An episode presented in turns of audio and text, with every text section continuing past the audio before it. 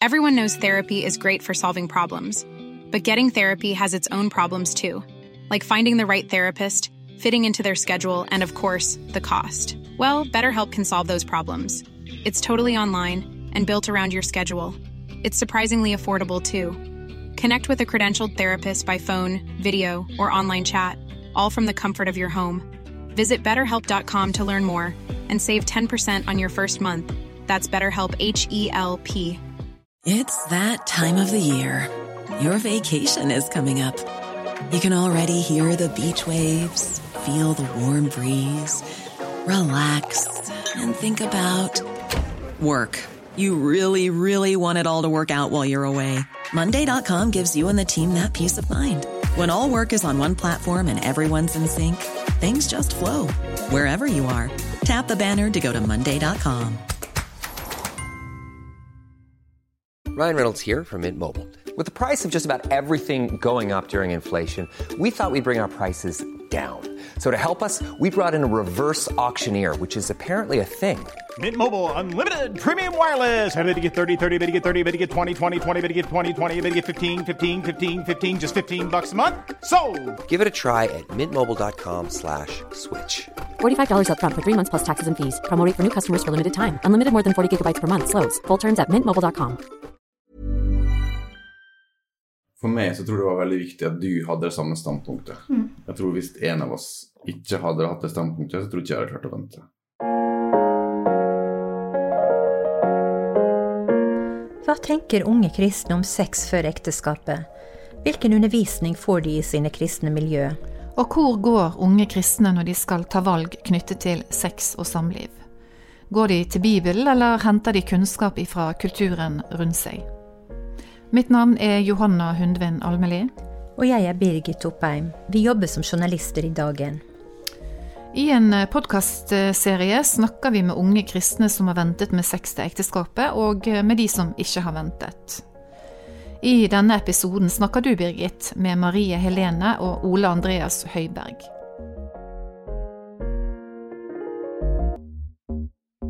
Jeg har lyst til å spørre dere, hvilke idealer hadde dere for et uh, forhold da, med tanke på, på sex? Hva, hva tenkte dere om det?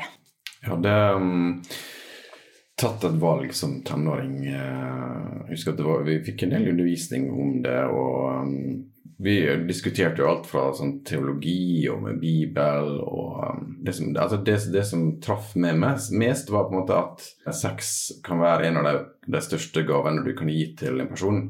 Eh, og at du venter med å dele det mest intime du kan dele eh, med, med den personen du skal gifte deg med. At det kan være en gave. Og det traff meg, for jeg har alltid vært en sånn romantiker som eh, oppvokst med to storesøstre og sett sånne romantiske filmer. Og, så, så eh, det argumentet var det som, som har på en måte landa i, i meg. da. Tenk at ja, jeg vil vente til å, til å finne den personen jeg gifter meg med, til at det er den personen jeg skal dele det mest intime jeg kan dele med noen. Var du enig? Tenkte du eh, helt likt? Jeg tror For meg så handla det også mye om at Ole Andreas så meg akkurat sånn som jeg var. At han fikk meg til å føle meg så verdifull og elska i meg sjøl. Jeg trengte ikke å prøve å liksom være noe annet, da. Og det hjalp meg til å vente og til å være trygg i det. Jeg tror eh, min historie mer var jo kanskje også mer på byen med venner. Det var veldig vanlig Man flørta litt og klina litt. Og jeg hadde en grense, da. Jeg stoppa alltid, så det var jo mange venninnene mine som ikke hadde de grensene, eller i vennegjengen. Sånn at jeg hadde en veldig tydelig grense også, men samtidig så var det liksom hele tida den derre jakten på bekreftelse og eh, finne litt ut av hvem man var og sånne ting. Så det at jeg møtte Ole Andreas og at han var så trygg i det, hjalp jo meg også å være trygg i det, da.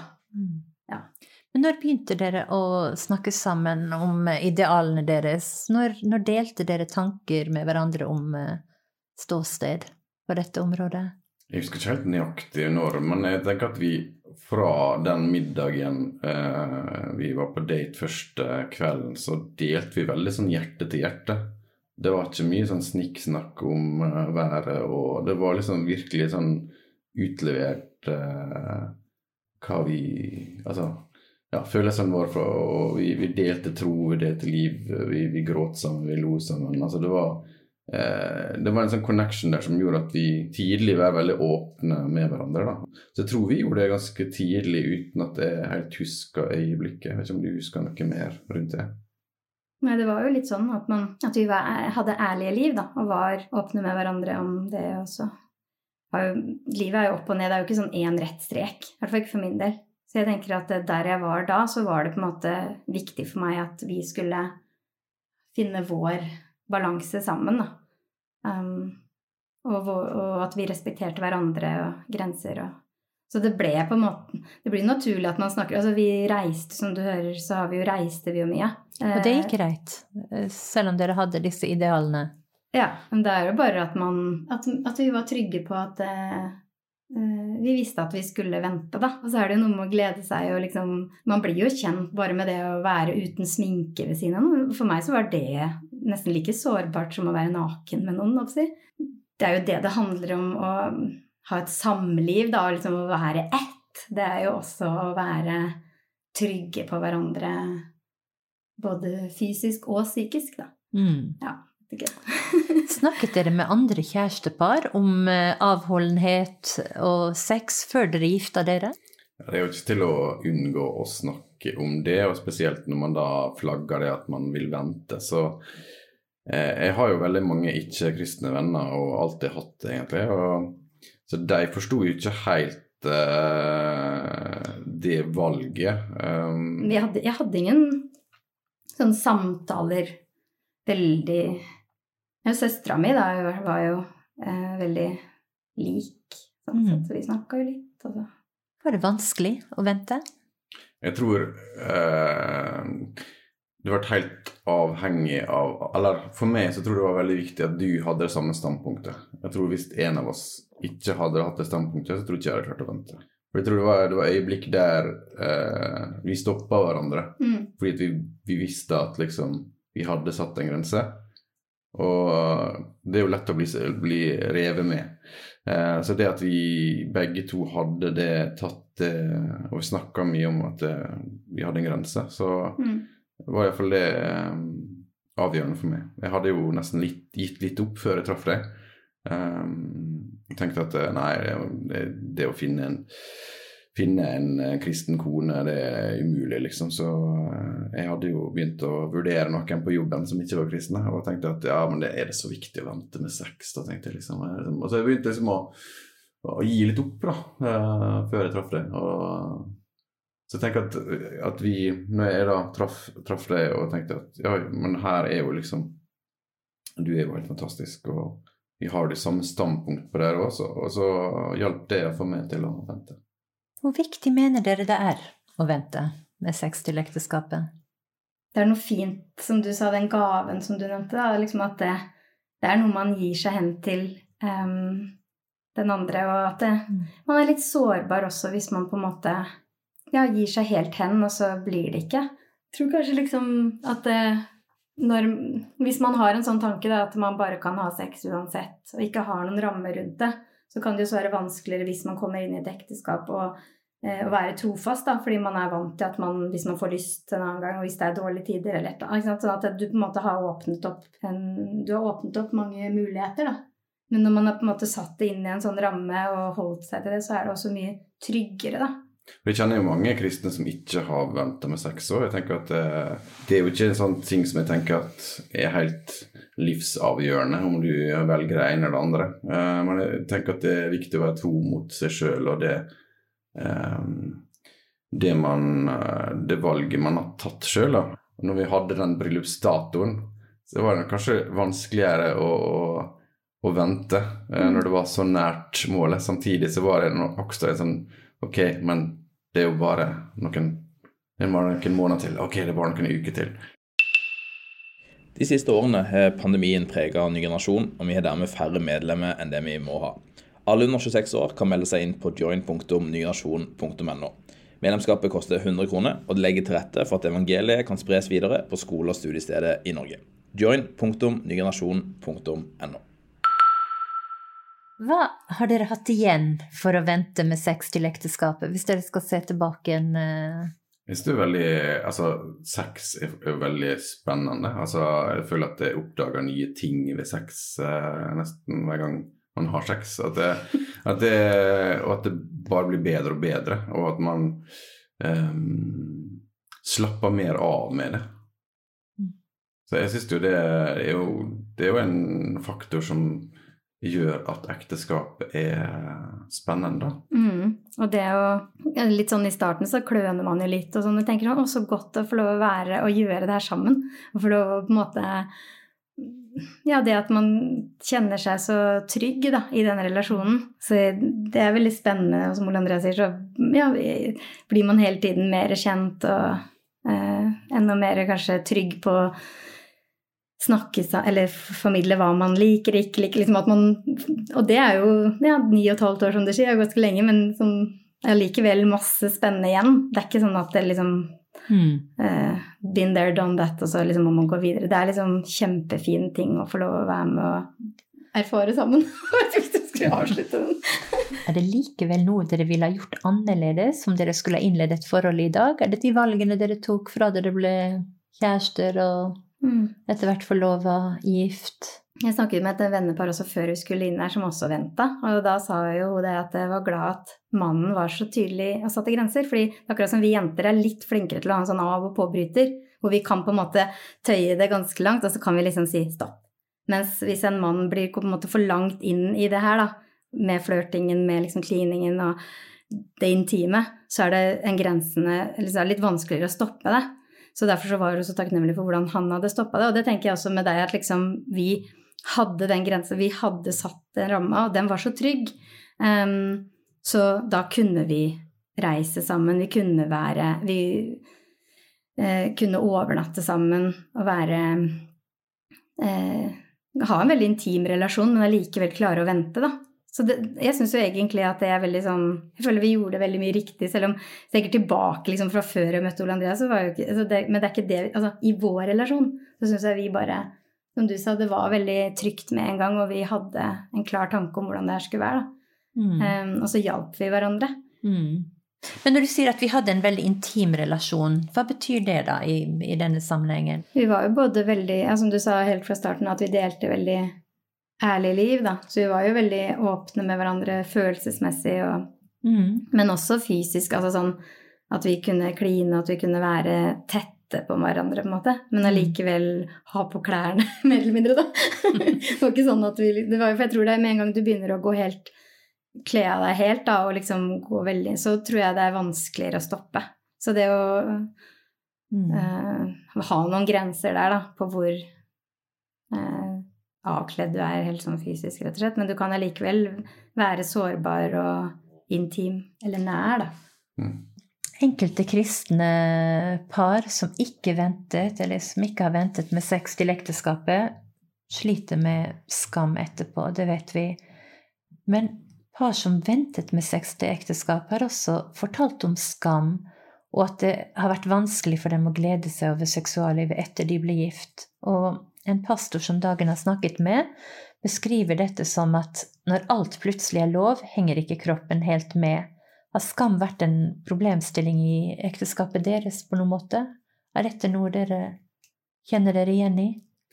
Jeg tror min største frykt var at eh, hvis jeg skulle gifte meg med en kristen person, at det skulle være en, en kjedelig jente som ikke turte å være intim um, på en fri måte. Det har vært liksom, befriende at liksom, man kan, kan være fri også der, uh, og samtidig som man har en reise. Altså det, at man, man, uh, man følger hverandre, og man, man er på en reise sammen, både intimt, det man deler, men også liksom på det fysiske, at det, det har vært en naturlig prosess. da, Så jeg har ikke følt på noe skam oppi det. Jeg har mer forfulgt på en enorm lettelse, egentlig. Ja. Det var litt overgang å være så naken helt sånn fysisk. Så du merka jo liksom at det ikke skam, da, men mer kanskje litt beskjedenhet. Jeg sa ofte det, jeg er litt beskjeden sånn, men at man også får lov å være det, og så er det også fint. Og så er man sammen, og så blir man kjent, og så blir man trygg, og så blir man mer og mer eh, ett. Det må jo ikke være sånn at eh, Jeg hørte i hvert fall sånn skrekkeksempel på hvor det var et ektepar, og hvor de eh, var veldig konservativt oppdratt, og når de da skulle gifte seg og så ha sex, så ble det aldri bra, fordi det var så mye skam og på en måte synd liksom knytta til det å i det hele tatt Mm. være nær en annen en andre kjønn, da. At Ja. det, det, det stivna helt. Og det ble veldig ødeleggende for dem sin relasjon. Og det er dumt hvis det skal være sånn at vi tenker på det som synd, for det er jo ikke det i seg selv. Det er jo rammene rundt det som kanskje gjør at det blir eh, feil, da. Mm. Um, og som du sa, om det er noe man angrer på, så angrer jeg vel heller mer på det at jeg i ungdomstida har kanskje erfaringer som har gjort at man nesten At det har vært litt sånn skada av det. For det skulle jeg ønske at jeg kunne ha unngått hvis jeg skulle liksom Men det kan man også da finne en fantastisk mann som Eller at man på en måte klarer å tilgi seg selv, da, ikke minst. Det er kjempeviktig hvis man opplever at man har trådd litt feil. At man ikke tenker at 'å nei, nå trådde jeg litt feil den ene gangen'. Nå er det ute med meg, nå kan jeg bare gå og ligge rundt, og nå har jeg gjort noe Mm. Jeg hadde ikke sex, men liksom jeg gjorde Ja. Jeg husker um, venner og uh, også relasjoner jeg var i før, da, hvor det på en måte Kanskje noen tok det steget og gikk for langt, da. Og så føler man at 'oi, nå har jeg gjort det'. Nå er jeg en sånn en. Så da er det jo bare å fortsette med det. Men nei, det trenger jo ikke å være sånn. Vi kan gjøre oss noen erfaringer som vi tenker at uff, det der skulle ikke ha skjedd. Men så er det greit å si at det ber jeg om tilgivelse for, nå går jeg videre. Og så får man en ny start. Det er jo det nåden handler om. Mm. Og det å liksom gi, ha, om ikke om, Kanskje tilgi andre hvis noen har gjort noe mot deg som du ikke syns var greit, eller som var urettferdig mot deg, men også hvis du har tatt noen dårlige valg sjøl, at man har en sånn tilgivende livsstil da, Mm. og kan gå videre. Mm. Jeg har lyst til å snakke litt om eh, kirken og det kristne fellesskapet. Um, Stefan eh, Gustafsson, teolog og forfatter, han skriver i boken eh, 'Nakne uten skam' at kirkens taushet om sex er en utfordring, bl.a. fordi kulturen rundt oss skriver og snakker mye om sex. Hva tenker dere? Hvordan kan kirken bli bedre til å snakke om eh, sex? Har dere tenkt noe, noen tanker om det? Jeg tenker at eh, når du snakker om det, så eh, fikk jeg sånn flashback til studietida i Kristiansand. Jeg husker det var Geir Johannessen som var pastor i Misjonskirka, som snakka om at sex er en fantastisk ting, og at han snakka om det på en sånn positiv måte. Og, eh, og det syns jeg var, det var litt sånn befriende her, å høre at noen at, at, det var bra, og at liksom man, man snakka om at, eh, at han mente det var best innenfor det rammen til ekteskapet, men han snakka liksom om eh, at at det var en flott gave til oss mennesker. og Uh, og det tenker jeg at kanskje vi må være flinkere til å, å, å snakke om det positive med sex. Uh, det er så lett å tenke på grensen, og at det, jeg tror også eh, sett fra utsida, da, fra mine eh, de diskusjonene jeg har hatt med mine ikke-kristne venner, så er det så lett, så lett å tenke at det, det å skulle være kristen handler om å, å følge en eller annen lovbok og følge alle reglene. Og hvis du tråkker utafor på en regel, da, da er du ute å kjøre. Så, men at det handler mer om at uh, vi er skapt eh, av en skaper som elsker oss, og som, som vet det beste for oss. eh, og at det er meint som en uh, Det er meint som en retningsleder fra en kjærlig uh, skaper. mer enn en sånn Følg mine bud, ellers så Stakkars deg. Um, for det, det tenker jeg også etter jeg er blitt pappa, så tenker jeg at uh, den gudsrelasjonen uh, er litt sånn som når man, man er eh, Når man elsker barna sine, selv når de gjør gale ting, så er jeg jo like glad i barna mine. Men jeg, jeg er kanskje ikke alltid enig i de valgene de tar. Men at um, man kan snakke om livet og, og også sex på en sånn positiv måte, og at det er en, en gave vi har fått. Vil du legge til uh, noe? Jeg tenker at det er veldig viktig eh, Når jeg skrev den bloggen 'Jakten på kjærligheten', da, rett før vi møttes, så blei jeg utfordra på Skjærgårdsgospel å holde eh, tale om det i Fjellkirka. Og da husker jeg at jeg ble litt sånn Oi, skal jeg det, liksom? Det, jeg har jo ikke nok kunnskap om dette her, men det ble, var et tema som virkelig engasjerte. Eh, og da ble det jo helt fullt. Det satt jo ungdom oppover hele rekka, og vi fikk så gode samtaler. eh, om veldig mye av de tinga vi har vært inne på nå også. Så jeg tenker at Og det er jo sikkert ikke noe mindre aktuelt i dag. Um, gjennom jobben min nå så driver jeg og jobber med et prosjekt um, som heter Play it right. Og det er en sånn verktøykasse som voksne ungdomsledere eller helsesykepleiere kan bruke i samtale med ungdom om seksualitet. da om sex, pornografi, men det er også mye om selvfølelse, mål, for jeg tror også de tinga henger veldig mye sammen. Ja. Um, og i forbindelse med utarbeidelsen av den verktøykassa, så snakket de med ungdom, og det som går igjen, er at ungdom ønsker voksne som er med og rettleder og gir noen tydelige på en måte rammer for det her med seksualitet. da. Og det syns jeg var ganske spennende, fordi jeg føler samfunnet ellers er veldig sånn har du lyst, har du lov, og det er nesten sånn at det er å forvente at du har sett porno. Det ene spørsmålet som jeg leste opp fra det ene kortet, var liksom 'Når så du porno sist?' Og tenker jeg, I det så ligger du fra et voksent perspektiv at alle ser på porno. Men mm. det at vi faktisk Når du hadde kartlagt det med ungdommen, så sier de at de har lyst til å få høre grenser og hva på en måte vi voksne ser som er en sunn seksualitet. da. De ønsker noen retningslinjer og noen rammer. Så det syns jeg var spennende, og det tenker jeg at mm. der har jo kanskje konfirmantarbeidet en kjempeviktig posisjon, for der når man inn i kanskje den aldersgruppa som er absolutt målgruppa. Nå ser jeg de legger seg på 15-16, altså.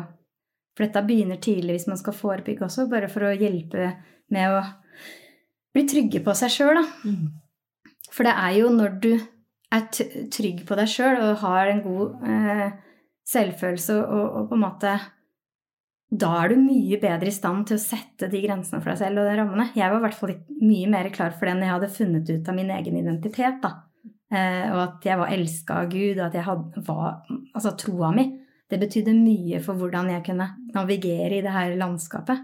Mm. Så det å Sånne type tematikk da, er kjempeviktig at man får inn i kristne settinger.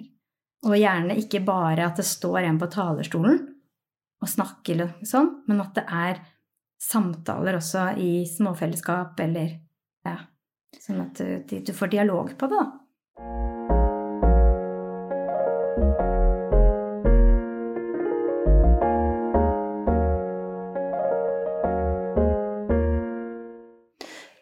Dere to skulle gitt råd til noen unge kristne i dag som er blitt glad i hverandre, hva vil det viktigste være å si til, til et ungt par? Jeg tenker at det er viktig å snakke med dem om eh, verdi, da, eh, og at de ikke trenger å presse seg eller føle at de må på en måte eh, gå inn i noe som de egentlig kjenner at går for langt, for å kanskje De tenker at den andre forventer det, eller at hvis ikke så er du ikke bra nok, eller um, at man er trygg på det, at man har en god ramme allerede. At vi ønsker å bli kjent. Vi eh, vil hverandre vel, og vi er glad i hverandre. Og da tåler man hverandre, gir plass til hverandre, gir tid til hverandre. Ja, så grunnleggende, for det handler jo Man kan jo si veldig mye om hva er viktig i en ekteskapsrelasjon, men det er jo tillit, og hvordan får man tillit? Da må man bygge en plattform av de tingene jeg akkurat sa, tenker jeg. Og det er det man kan starte med. med de andre tinga kommer til å komme. Mm. Um, så bli kjent og lage en sånn trygg mm. grunnmur, da. Et par som Dagen eh, har snakket med, sa at de hadde trengt å bli fulgt opp av et medvandrerpar. Ikke bare for å snakke om sex, men også for å lære mer om konflikthåndtering og hvordan vise hverandre kjærlighet.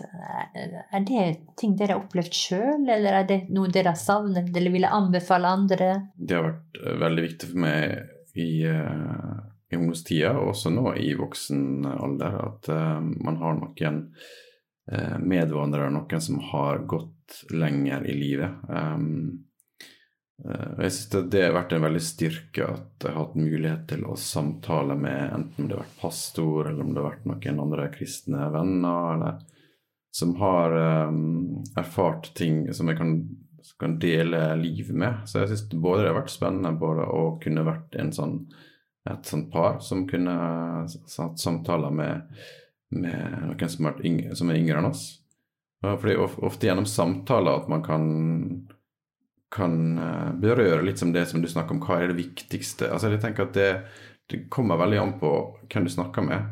Det er vanskelig å si det viktigste er det her, fordi det er så individuelt. Folk har så mange forskjellige bakgrunner og erfaringer. Mm. Eh, så, så i en sånn samtale og relasjon der man kan følge med hverandre over en, over en tid, så får man også eh, en, en, en uh, mer sånn følelse av hva er det som er viktig å fortelle uh, til det her, eller, eller, de kan rett og slett stille spørsmål sjøl. Jeg føler at um, det er nesten uh, viktigere å la folk stille spørsmål. Og, og, jeg tenker at Jesus var jo en som ikke alltid kom med sånn svar, men at han også stilte spørsmål tilbake til den som, som stilte hans spørsmål. Og det, det, er noe som har vært viktig i mitt liv, at folk uh, gir meg ballen tilbake, og at jeg sjøl får reflektere over hva, hva mener du egentlig om det spørsmålet her. Mm. Uh, at du starter en litt sånn dypere prosess enn med å bare si 'det her er galt, det er riktig', punktum. Men at du kan Ja, så jeg, så jeg syns at det uh, er viktig. Jeg har jo også en, en medvandrer ja, nå i voksen alder. Men jeg syns det var en spennende tanke at man kan ha et medvandrerpar. Det mm. Og jeg, kanskje, jeg har hatt noen innimellom som jeg har tatt initiativ til. Da. Og det er egentlig en oppfordring. Jeg tror vi merker veldig at veldig mange ønsker det hvis man tar initiativ til det. Ja, siste spørsmål. Eh, hele tematikken knyttet til eh, seksuell avholdenhet er tabu for eh, en del. Dere velger å dele deres historie. Hvorfor gjør dere det? Jeg tenker det er viktig å være ærlig med livet og dele Jeg syns at det er noe av de mest spennende samtalene jeg har med folk når jeg møter også, er jo når folk uh, velger å dele erfaringer fra livet. Og uh, det er ikke noe sånn uh, fasit på livet.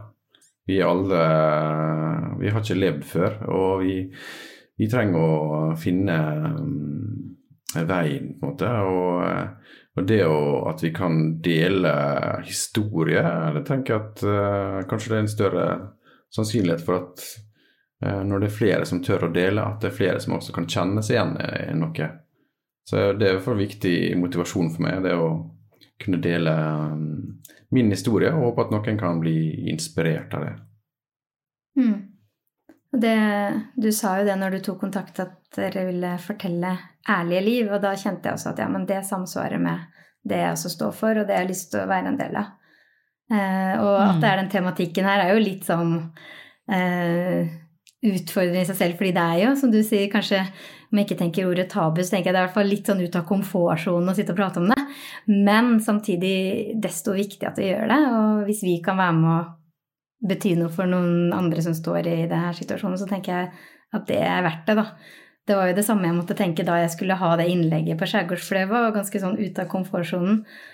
Og husker jeg tenkte ja, jeg har ikke funnet den rette ennå, men ok, om jeg så kan Gud, hvis du kan bruke meg inn i den tematikken her, kanskje jeg kan inspirere noen til å ja, holde på de prinsippene, eller stå for de verdiene, og ikke liksom gå på kompromiss med det, og tørre å stole på at du har kontrollen, da. Du har en plan. Du tilrettelegger over vår forstand. Takk for at dere stilte opp og delte fra livet med oss.